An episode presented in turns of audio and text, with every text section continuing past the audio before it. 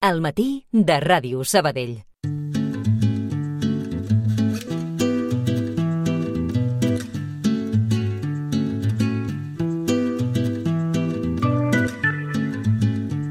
Avui al Tothom a Taula hem convidat a l'Àngels Florença. Ella és dietista, nutricionista, especialista en seguretat alimentària i impulsora també del projecte d'alimentació Afable. Bon dia.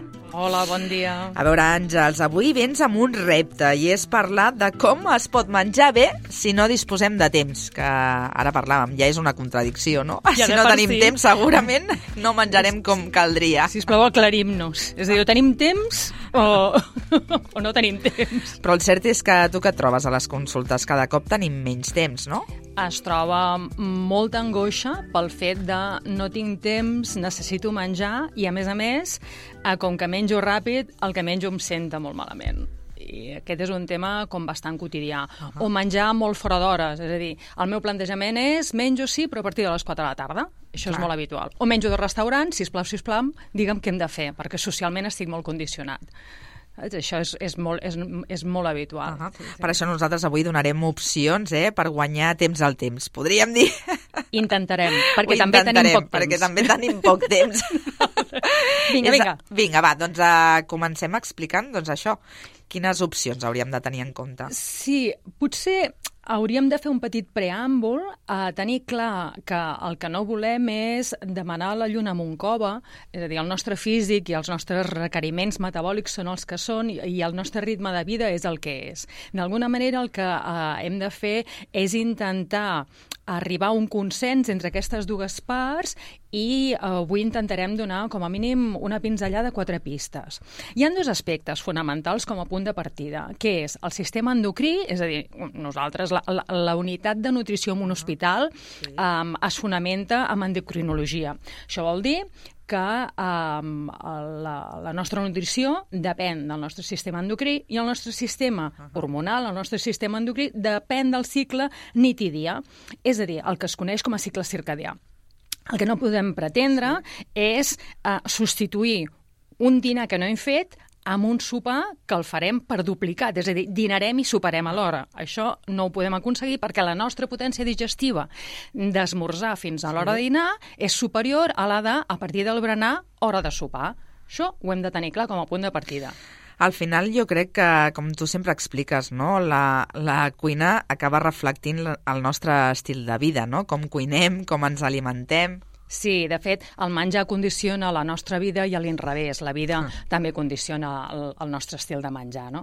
I, en, i el, el segon punt de, de partida, també, Sí. contra el que d'alguna manera ens hi hem de, bueno, ens hi hem d'acostumar, hem de ser amables, és amb el nostre sistema nerviós. Si nosaltres estem en mode treball, Sí. en mode uh, aquesta tensió innata de estem treballant, estem uh, amb un nivell de feina X, amb estrès o sense estrès, això tant se val. Al final hem d'estar amb una actitud determinada o fent una feina Sí. uh, amb el que hem de ser proactius i hem de ser molt actius i hem de ficar molt de la nostra part, el sistema nerviós està en un mode que en diem simpàtic.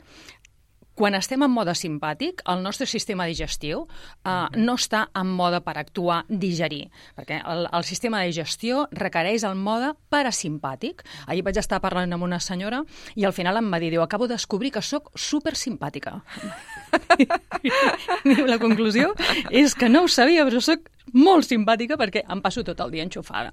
I això va en contra doncs, de la qualitat que tinc de digestió. D'acord? És a dir, aquest seria com el preàmbul. Val? A partir d'aquí, el que faríem seria definir com quatre situacions que som tipus, mm, que és el de menjar de restaurant, Un clàssic, el de menjar de, ca de càtering a l'empresa, uh, difícil. Jo crec que no hi ha gaires empreses no? que posin catering als seus treballadors. N'hi ha, però són grans sí, empreses. grans que- empreses sí. no?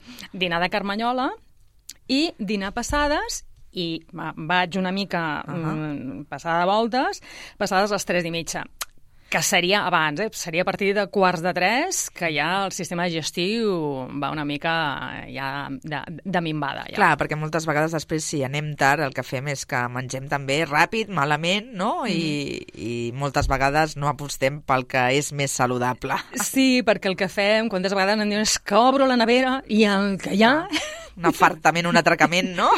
barrejo el dolç amb, amb el salat.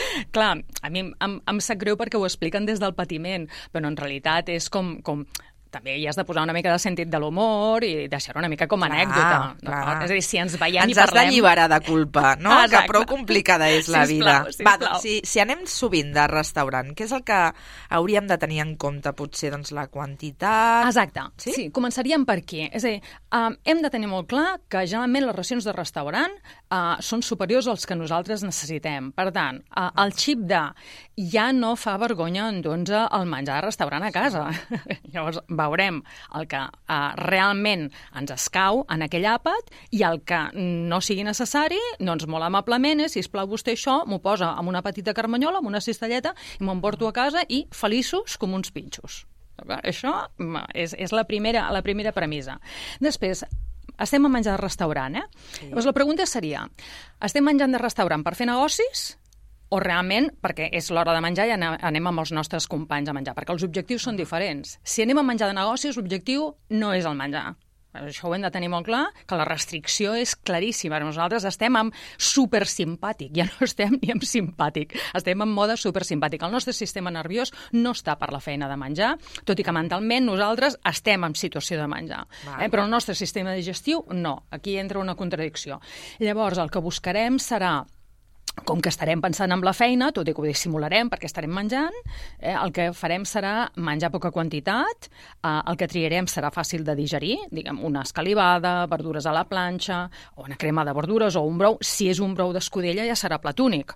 Clar, o a vegades fins i tot podem demanar mig menú. Mig menú, Sí, això, aquesta és una opció. És una opció que cada vegada no, també és més present. I està molt atent també a, al, al, al menú com a tal, perquè moltes vegades anem a primer i segon, quan a vegades amb dos primers ja faríem. Ja cobrim de sobres. I són més senzills de, de, de, fins i tot de, de composició, és dir, el, el parament del plat amb dos primers també és més senzill. Què més hauríem de Llavors, tenir en compte? si ens veiem en cor, per tant, faríem uh, un únic plat, sí. sobretot el tema de la beguda, beure el mínim imprescindible, la beguda, uh, el que fa d'alguna manera, sobretot si la beguda és freda, ens atura uh, la feina de la digestió i falseja la sensació de sacietat, és a dir, un tema purament físic, eh? l'estómac necessita escalfor per digerir i per desfer eh, l'aliment que nosaltres estem mastegant.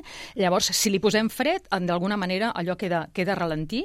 Eh, per tant, veuríem la mínima quantitat de líquid. El líquid que veuríem, a ser possible, no seria fred tipus beguda refrescant, per exemple, i ja per últim un clàssic, si plau, els dolços els substituïm per fruita, d'acord? És a dir, reivindiquem la fruita als restaurants? També, no? Cal reivindicar la fruita al restaurant.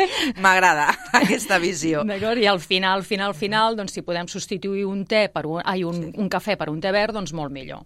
Molt bé, i l'altra solució, va, si uh mhm. -huh. fem doncs a dinar de Carmanyola. Dinar de Carmanyola. Si tenim la sort d'estar en, un, en una empresa on hi ha càtering, eh, llavors això seria una, una, una situació uh, perfecte, perquè podem combinar el menú que nosaltres tindrem setmana vista del càtering de l'empresa amb el nostre dinar de Carmanyola. Llavors, d'aquelles opcions de l'empresa que nosaltres no ens escaiguin, les podem combinar amb menjar que nosaltres ens haurem fet a casa. Això seria l'ideal. El cert és que a les empreses que hi ha càtering, sí. en aquests moments, potser fa uns anys diré, bueno, van amb tendència a fer-ho bé, però són impecables. És a dir, el càtering de les empreses realment és que s'hi estan esforçant molt i els cuiners um, són, a banda de competents, és que estan molt compromesos amb el menjar que fan, més que res perquè, a més a més, és que a la gent la veuen cada dia i al final saben, a, saben els gustos també de, de, de les persones determinades. Per tant, per aquí tindríem una opció, és combinar el càtering, el càtering sí. d'empresa amb Carmanyola, i si tirem només sí. de Carmanyola,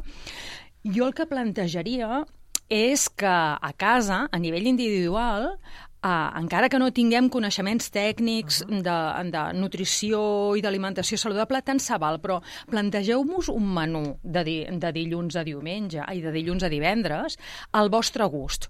I aquell menú s'adapta a fer un plat únic, per exemple, -huh. Uns cigrons són platúnic, unes llenties sí. amb un grapadet, unes llenties estofades amb verdures amb un grapadet d'arròs és platúnic. Llavors és un platúnic uh -huh. amb una peça de fruita, o bé pot, pot, pot haver l'opció d'un plat de verdura al vapor amb un peix amb salsa verda, per exemple. En realitat, Mira que fàcil, sí. en realitat, el menú que nosaltres ens faríem per, pel dia a dia és molt compatible sí. també amb una carmanyola. Llavors, això també per tenir-ho en compte.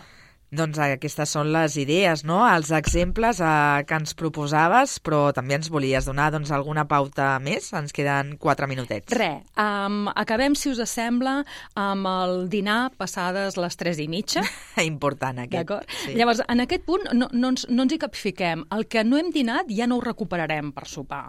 Uh, llavors, el que sí que farem és sí. centrar-nos en la qualitat nutricional del sopar. Batllarem per, per aliments que realment siguin nutritius, i ara ja posarem posarem algun exemple, uh -huh. um, i tirarem, i això sí que ho hauríem d'aprendre, de fer picotejos saludables sí. durant la jornada.